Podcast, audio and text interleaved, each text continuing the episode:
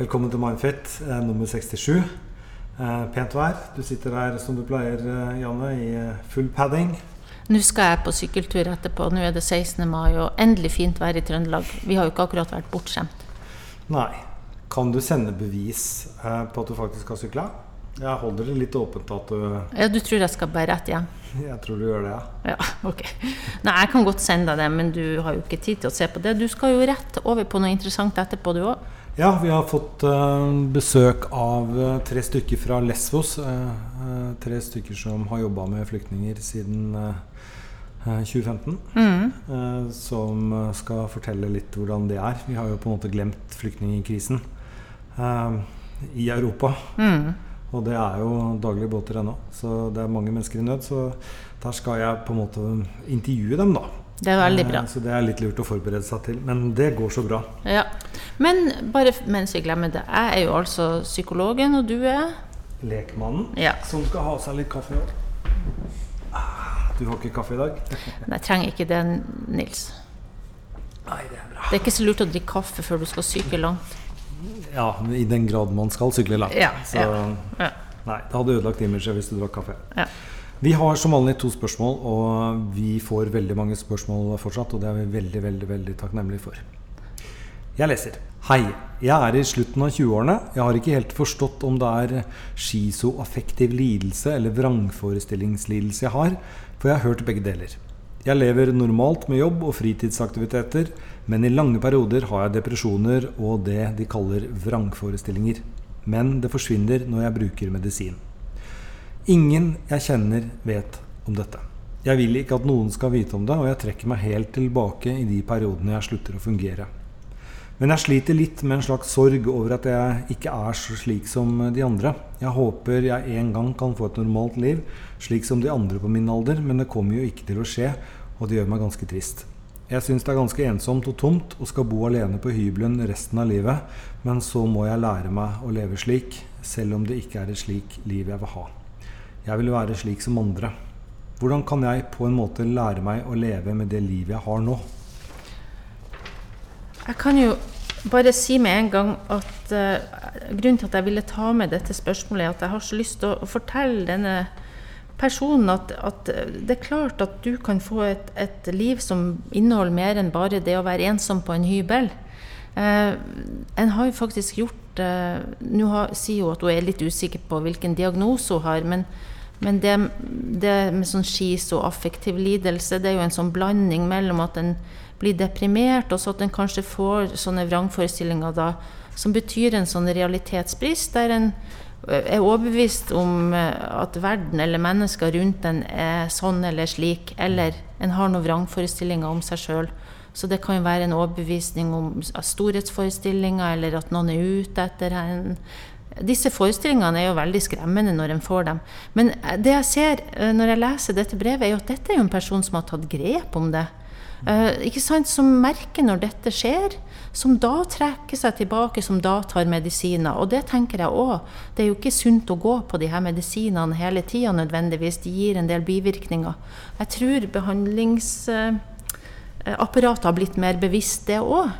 Og også at det er mer optimisme hos behandlere nå enn før. Det er viktig å få sagt veldig interessant un, eh, doktorgrad som det er ei som disputerte nå i 2019. Hun har fulgt opp eh, Det er jo en litt annen gruppe da, men en sier jo ofte at de som får sånne schizofrenidiagnoser, de blir aldri friske. Så har hun fulgt opp en gruppe over åtte år og finner ut at mange får, blir jo friske, og mange får jo en bedring. Og det som går igjen da, er jo nettopp det som denne innsenderen får til. Det at de klarer å skape seg gode rutiner og har en balanse mellom jobb og det sosiale som er god. At de klarer å merke når ting er på gang, og at de klarer å ta grep når det skjer. Og at nødvendigvis ikke trenger en å gå på medisiner hele tida. Men eh, det, er jo litt trist eh, å høre òg, da. For det, altså, eller trist eh, Altså, det høres ut som hun har en, eh, en god forståelse Mm. eh, for hva hun eventuelt kan lide av. Men at hun har gitt litt opp. Altså, hun, hun har gitt opp å få det hun oppfatter som er et normalt liv, altså bo sammen med noen. Mm. At hun er avhengig av å ha en hule hvor hun kan trekke seg inn og bare Mm. være ensom. Fordi det som da skjer med henne, er hemmelig. Hun vil ikke at noen andre skal vite Det er, det er et godt poeng, tenker jeg. Og altså, altså, denne skammen som det høres ut som det er knytta til det her. eh, Jeg vil jo anbefale igjen den der eh, dokumentarserien som jeg var med på, som heter 'Sinnssykt'. I en av de eh, episodene så var det ei, mener jeg, som hadde en schizoaffektiv lidelse som sto frem. Det var veldig fint. Hun skulle søke seg jobb, sånn at programlederen fulgte henne i den jobbsøkeprosessen. Og, og ikke sant? Hun, jo, hun var jo som alle andre. Det var så flott å se. Uh, hun òg hadde hatt mye skam rundt det, for det er litt sånn spesielle diagnoser. ikke sant? Og folk blir kanskje Det blir litt sånn fremmedgjort og liksom myter rundt at du for alltid vil være sånn. Men, men folk som har det sånn altså For det første så svinger det, de har gode og dårlige perioder. For det andre, det fins folk som har blitt friske. Ei som heter Arnhild jeg tror heter Arnhild Laueng, men hun er psykolog, og hun skrev gode bøker om de årene hun var psykotisk. Og hvordan hun kom seg ut av det. Så det er håp. Og det er heller Det er også sånn at Ja, men hvorfor skulle ikke denne her personen få noen som kunne være glad i hun eller han? Altså, hvorfor kunne ikke denne personen dele med andre hvordan en har det? Så, så, så jeg tenker jeg tror eh, mange i hvert fall kan være mer tolerant tolerante enn det en kan tro sjøl når en sitter med problemene. Ja. eh, for det er ingen som trenger å, å gjemme seg. Nei. Eh, det er det ikke. Og det fins forbilder. Det er det som er så fint nå. Før var det jo sikkert litt mer sånn at alle gjemte seg, og at en visste ikke om andre.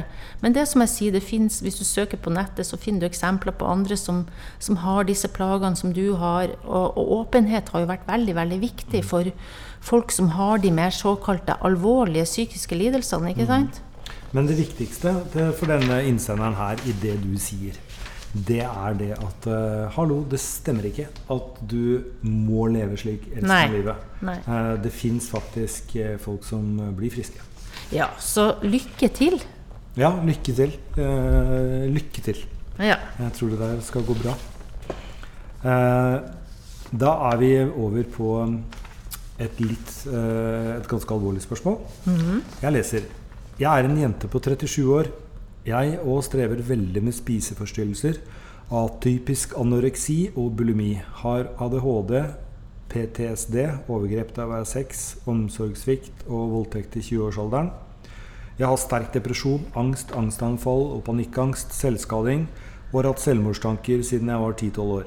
I sommer var jeg innlagt for spiseforstyrrelser i tre måneder, men det hjalp ikke. Jeg fikk det mye verre etter utskrivelsen i september. Nå står jeg på venteliste på en traumeavdeling, men det er en veldig lang venteliste. Etter utskrivelsen ble selvskadingen mye mer alvorlig enn tidligere. I løpet av 2019 har jeg vært på legevakta og sydd tre ganger. Jeg har hatt litt kontakt med ambulant team, men eh, det ble avsluttet 1.4 uten at det hjalp noe. Jeg har prøvd å ringe ulike krisetelefoner, men det blir bare enda vanskeligere. Jeg tror at mye av grunnen til at terapien eh, for SF ikke hjalp, Spiseforstyrrelser, sikkert. spiseforstyrrelser, ja, forkortelse der altså, SF, kan ha noe med at jeg akkurat nå skal starte en utredning for borderline BPD. Borderline personlighetsforstyrrelse. Ok, og det skremmer meg veldig. Jeg går hos eh, en psykolog to ganger i måneden, men det hjelper lite. BPD er tross alt en personlighetsforstyrrelse, og det er så mye stigmatisering rundt det. Føler meg veldig alene og redd. Jeg har mest sannsynlig den unnvikende typen. Akkurat nå har jeg det forferdelig vanskelig. Forrige uke tok jeg en overdose sterke smertestillende, angstmedisiner og sovetabletter, men jeg turte ikke å innrømme dette for noen. Jeg angret og klarte å kaste opp mesteparten. Men jeg klarte ikke å få opp alt. Det førte til at jeg kastet opp uavbrutt natt og dag i to døgn. Jeg tenker på selvmordstanker hele tiden. Jeg vet ikke hva jeg skal gjøre mer. Jeg ble sendt på akuttpsykiatrisk avdeling etter den ene selvskadingsepisoden, men ble kastet ut etter fire dager. Det hjelper ikke å be om hjelp. Jeg tenker det er like greit å gjøre det slutt. Jeg klarer ikke å vente på plass på traumeavdelingen lenger. Hva skal jeg gjøre? Uh, jeg tenker at uh, Jeg vil jo også først og fremst si her at eh, hvis noen av de som hører på òg har selvmordstanker og driver med selvskading, eh, så er det jo viktig å få sagt at eh, en instans som alt det der er legevakta, da. Det er mye skam knytta til det her, og det syns jeg du ser i det, denne innsenderen òg. At det er mye sånn prøver å skjule det. Og dessverre òg at en kan bli møtt med noen holdninger i hjelpeapparatet. fordi det vil jeg si litt om. At jeg tror at eh, når folk eh, skader seg gjentatte ganger, når de prøver å ta livet av seg gjentatte ganger, så er det jo mange hjelpere som blir hjelpeløse òg. Og i den hjelpeløsheten som jeg som hjelper kan få, så blir en kanskje avvisende. Jeg syns folk som driver med selvskading og har selvmordstanker, er veldig forskjellige. Jeg må si det.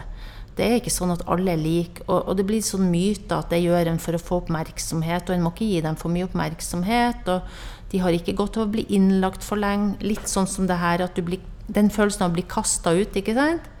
Det er mye avvisning for mange som har de her plagene. Eh, de føler det, og jeg tror de har rett.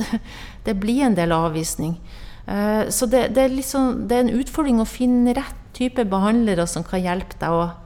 Ja, ville du si noe? Ja, eh, altså Her er det jo så mange alvorlige diagnoser som er langt over eh, hva vi lekmenn holder på med. Ja. Men eh, jeg bare tenker på tre ting når jeg leser dette her. ja. Eh, jeg tenker nummer én at eh, det er håp. Altså at det er selvmordstanker, men eh, at de stopper. eh, og at en av grunnene til at man kan si det, er at hun har skrevet inn eh, her. Ja, Mm. Det er også veldig godt skrevet. Mm. Hun er på venteliste for traumeavdelingen, og det mener jeg vel er en Det er bra. Skammelig at hun ikke har kommet inn der tidligere. Hvis vi snakker om overgrep da hun var seks år gammel, omsorgssvikt og en voldtekt når hun var 20. Det er jo i hvert fall ganske åpenbart at årsaken til mye må ligge der. Ja, dessverre er det jo sånn at det er ikke alle behandlere som kan traumebearbeiding, traumebehandling. Og det er jo også sånn at en del eh, behandlere kan bli engstelige når en skal hjelpe noen som har så mange diagnoser.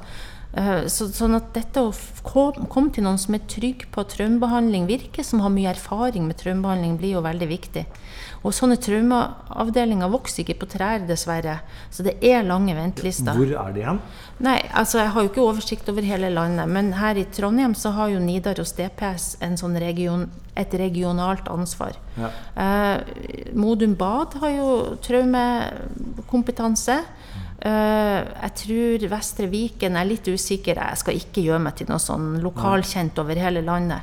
Men det fins flere. Eh, men de har lange ventelister. Eh, det er jo innleggelse, og så finnes det noen polikliniske tilbud. Det finnes jo også behandlere som er gode på det her, Ja. litt, litt, litt her og der, ikke sant. Eh, Men jeg bare, jeg bare tenker litt sånn mer generelt. Nå er det jo eh, valg og snart. Nå er det riktignok lokalvalg, og vi bruker eh, mye penger på helse. Men det er også fortsatt slik at det er seks måneder, hvis ikke lenger ventetid, for å komme til en psykolog. Og så er det Altså, det er jo åpenbart at det er for, for lite traumetilbud. Ja, altså Jeg må jo få sagt det som det er. at dette, Jeg er helt enig. Det er veldig fint at du blander inn politikk. fordi eh, regjeringa har jo vært så opptatt av dette med rettigheter til behandling. Men dessverre, de driver jo hele tida og skreller ned på tilbudene. Eh, og bl.a. i forhold til innleggelse så er det skrella veldig ned. Sånn at det er jo fortvilende for folk som er hjelpere òg. Det er veldig Hvis du jobber på, i det offentlige distriktspsykiatriske senter, har veldig press på seg i forhold til å få folk ut. Sånn at dessverre blir jo det et system òg, syns jeg, som ikke klarer å ivareta folk. øh, Selv om de aldri så mye hadde villa, så er de så pressa der òg mange ganger. Men du kan være heldig. Jeg må, jeg må snakke litt om Jeg har lyst til å snakke litt om sånn øh, personlighetsforstyrrelse i den forbindelse. men fordi- før vi går der, kan jeg ja, bare si den siste ja, tingen Ja, som jeg bet meg merke her. Ja du sånn- hadde tre ting, ja. det, Jeg kom ut av tellinga, vet du, Nils. hun omtaler seg som en jente Ja. på 37 år. Ja. Det er kult. Ja. Fordi da tenker jeg at der ligger det litt lust for life Ja. når man gjør det. ja. At en føler seg enda at det er en mulighet, for en er ikke gammel, for gammel til å få hjelp. Nei, man kan si jeg er en kvinne på 37 år. Ja. Men å være en jente på 37 år sier noe om hvordan man ser seg selv. Ja. Eh, at man ser seg selv som ungdommelig. Ja. Eh, og hvis man ser seg selv som ungdommelig, så er det i hvert fall noe inni i skolten som eh, tenker på livet. Jeg tenker også, før jeg sier noe om det andre, så vil jeg også si at det å skrive at du angrer på at du prøvde å ta de her tablettene og kasta det opp, mesteparten av det, betyr jo også at her er det en veldig vilje til å vil leve. Så jeg håper jo for all del at denne personen holder ut, for at her skal du jo også inn i noe hjelp som du kanskje ikke har fått ennå. Og det er min erfaring at mange går rundt og og får ikke rett type hjelp. Altså det blir mer, mer utredning, kartlegging, finne ut hva som feiler dem. Men så blir det av og til kanskje litt fattig på behandlersida, altså når en faktisk skal hjelpe dem med problemene. Mm. Så øh, når det gjelder øh, Og hun har jo helt rett. Hvis du har en personlighetsforstyrrelse, og særlig en sånn borderline, da, mm. uh, ustabil personlighetsforstyrrelse, så blir det en del stigma ved det på, her på Nidaros DPS så har de et tilbud som heter Step Stairways, som faktisk er et gruppetilbud til personer som har uh, disse trekkene. Da. Du trenger ikke ha diagnosen, men disse ustabile Du er emosjonelt ustabil. Og jeg var hørte på dem nettopp, jeg syns det var veldig positivt. Det de snakker om, var jo at de hjelper folk spesielt med et stort problem, er affektregulering. ikke sant? Alt er så intenst. De beskriver hvordan eh, følelser, både glede og, og, og sorg, eh, redsel, alt blir mye sterkere. Og at det er mye vanskeligere for en som har det sånn, å regulere seg ned til en sånn type nøytral, uh, nøytralt modus igjen. Så hvis det skjer noe, f.eks. hvis jeg og du er sammen på noe, og så mister vi bussen uh, Ja, kanskje du blir stressa, men hvis jeg hadde hatt de her plagene, så blir jeg mer enn stressa. Jeg blir veldig oppkava. Noen sier et skjevt ord til oss. Jeg oppfatter det mye mer alvorlig enn du. Og blir seinere ferdig med det. For de har ofte utfordringer så klart i relasjon med andre, men det har jo grunner. Se bare på denne jenta som mm. forteller om omsorgssvikt, overgrep, voldtekt. Så det de hjelper dem med, det er å, å, å, lære seg å regulere, se når de her tingene skjer. Mm. Altså, så de må hele tida Det er veldig sånn aktivt gruppetilbud der de sjøl må gå ut i verden og finne ut hva som skjer. Altså hva skjedde? Hva tenkte jeg? Hva følte jeg? Eh, hva gjorde jeg? Og hva alternativt kunne jeg gjort? Og hvem kunne hjulpet meg? De er opptatt av det. De er mm. også opptatt av at de skal gjenkjenne det mønsteret de kommer inn i. Altså sånn, hvilken reaksjonsmønster er det jeg går inn i nå? Og for mange som har de her plagene, så kan det være f.eks. sånn type avvisningsproblematikk. Det er et eksempel, da. Mm. Ikke sant? Du sier noe til meg, jeg tenker du hater meg. Mm. Uh, og det kommer også av at jeg har opplevd masse før mm. som går på det. Ja. Sånn at jeg fyrer veldig løs på det. Og det betyr også at du kan få hjelp med å få behandla de her traumene som ligger bak. Og i tillegg så må du lære deg noe som hjelper deg å regulere her og nå, da. Ja, men hun må uh, inn på traumeavdelingen. Kjære innsender. Det, ja. skal du, det, skal du, faktisk vente på. Fordi det er så viktig. Jeg antar vel også at uh, kanskje ikke har så mye familie. Siden uh, hun har altså overgrep av sex, omsorgssvikt og sånne ting. Eh, men traumeavdelingen ved å liksom gå litt tilbake og, og, rydde litt i skapene da er hun i hvert fall på et utgangspunkt ja. som hun fortjener å være på. Jeg har stor tro på at, den, at, det er viktig å holde ut her. Ja, det... Og i mellomtida øh, så er det jo noe med å bruke hjelpeapparatet, ikke gi opp å bruke hjelpeapparatet. Da, denne innsenderen, denne jenta, har jo psykologhjelp, og hun kjenner jo hjelpeapparatet. Det ser du når hun ja. leser det. Hun vet at legevakta er der. Hun har også brukt det her som heter ambulant team. Eh, Distriktspsykiatrisk senter har sånn akuttambulant team som du kan komme til via fastlegen din. Ja. Eh, sånn at hun vet jo hvor hjelpeapparatet finnes. Det er hjelpetelefoner. Um, og så tenker jeg klart hun går litt trøtt, for at det blir nye personer hele tida. Mm. Og det blir noen episoder med avvisning. Men alle der ute vil jo ikke gjøre det. Og hvis hun allerede står på venteliste til en traumeavdeling, så er hun jo kjempe, kjempeheldig. Ja. For der er det jo folk som forstår seg på det her, det skulle jeg tro. Ja. Og så kan vi da bare notere at, eh, at man er heldig hvis man får lov til å stå på en venteliste. Eh, det er jo egentlig vi burde hatt råd til å ha hatt flere traumeavdelinger. Så hvis jeg noen gang skal bli minister, eller noe sånt, så skal jeg fikse det. Ja, det er bra. Men, det er bra. Men det var to, uh, to spørsmål som uh, var litt annerledes enn de ja. vi har hatt tidligere. Ja. Eh, veldig bra spørsmål. Håper dere får noe ut av det. Og så høres vi igjen eh, om ca. 14 dager. Det gjør vi. Ha det bra! Ha det.